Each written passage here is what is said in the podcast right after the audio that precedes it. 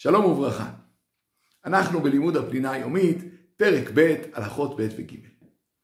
ואנחנו עוסקים בהכנות לכבוד השבת. במידה מסוימת, כל השבוע כולו זה הכנה לכבוד השבת. אבל עיקר ההכנה זה ביום שישי. כמו שכתוב, והיה ביום השישי, והכינו את אשר יביאו. וכך היה גם במדבר. היו אוספים את המן ביום שישי, בשביל שישי ובשביל שבת, כך שההכנה הייתה ביום שישי.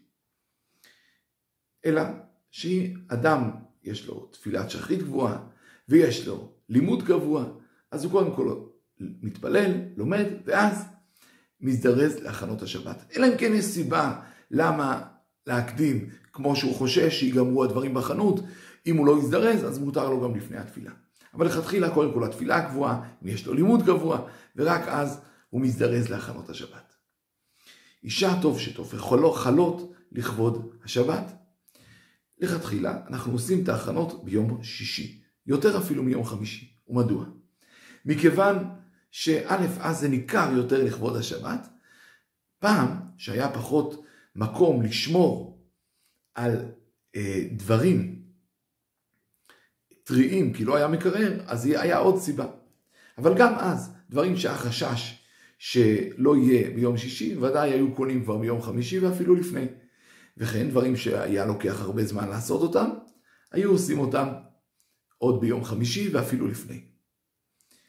וכאן ממילא המקום להגיד, נכון, טוב שהכנות לשבת ביום שישי, אבל יותר טוב להיכנס לשבת בשמחה. לפני שנכנסת שבת שלום, יש מין יצר כזה, שגורם לנו יותר להילחץ, יותר לריב, ולכן כדי להימנע מזה, טוב לתכנן את הדברים. ואם בשביל זה צריך להעביר חלק מהדברים ליום חמישי, עדיף להעביר את הדברים, חלק מהם ליום חמישי, ולתכנן את יום שישי טוב, כך שאפשר יהיה להיכנס לשבת בשמחה ובנחת. הגמרא מספרת על זוג שהיה רב ומתקוטט כל יום שישי לפני שבת. ואז רב מאיר, שפעם אחת היה אצלם וראה את הדבר, הגיע אליהם כל יום שישי בשעות לפני שבת והיה איתם, וככה נמנעה המריבה.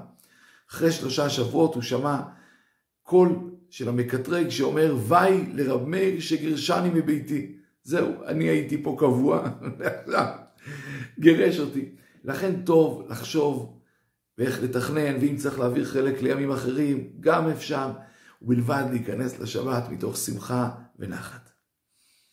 ומתוך כך, יש גם מנהג קדוש, שאומר שטוב לגמור את כל ההכנות עד חצות, ואחר כך בנחת להתענה, להתכונן לשבת, להתקלח, להתלבש, לעסוק בתורה, אולי קצת לנוח, כדי להיכנס לשבת בשמחה.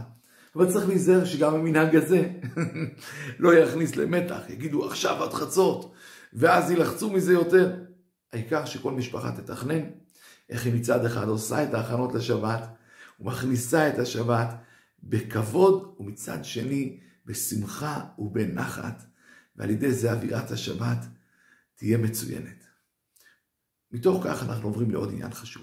יש עניין לקנות דברים ולענג את השבת.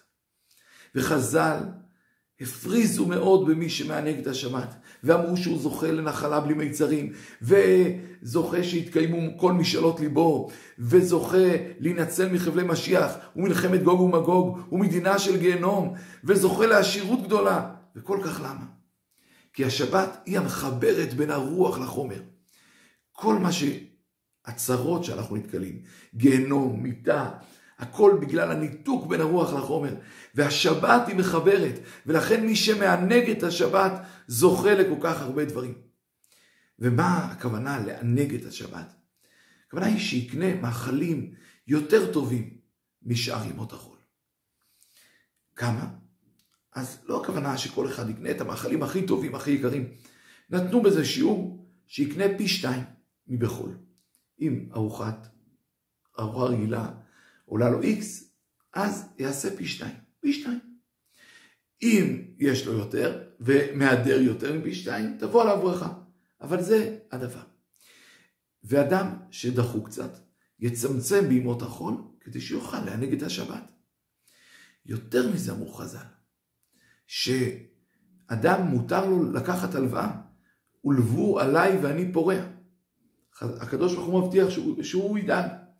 ואין הכוונה לסמוך על הנס. הכוונה היא שאדם שיש לו משכורת קבועה ורואה בתכנון כלכלי שהוא יכול להחזיר, מותר לו ללוות, ולא לפחד שמא יקרה כל מיני דברים ופתאום לא יוכל להחזיר. על זה יכול לסמוך על השם. אבל מי שבתכנון ריאלי לא יכול להחזיר, שלא ילווה. ויותר מזה, אמרו, עשה שבתך חול ואל תזדקק לבריות. גם לא ייקח בזה צדקה. ובזכות זה שהוא עושה שבתו חול ולא מזדקק לבריות וסומך על עצמו, יזכה אחרי זה גם להרחיב את הכנסותיו ולכבד את השבת. מי שכבר עני ונזקק לצדקה וכבר לוקח צדקה, ייקח קצת יותר כדי לענג את השבת. ונסיים בזה שבעצם אדם צריך, יש כאלה שהם מוצאים, מבזבזים כל השבוע על נופשים, על חופשים, על מסעדות, ובדיוק כשמגיעים לצרכי מצווה, כאן הם נזכרים שאין להם, וכך בהוצאות השבת. והדבר הוא הפוך. כתוב כל מזונותיו של אדם קצובים לו מערב שבת עד ערב שבת, מראש השנה עד ראש השנה. חוץ מהוצאות שבתות וימים טובים וחינוך בניו לתלמוד תורה. לכן דווקא בדברים האלה צריך להרבות יותר בהוצאות. אלא שכמו שאמרנו באופן ריאלי, שאדם יכול לעמוד בו בשמחה ובלי להיכנס לקשיים. שלום, שלום.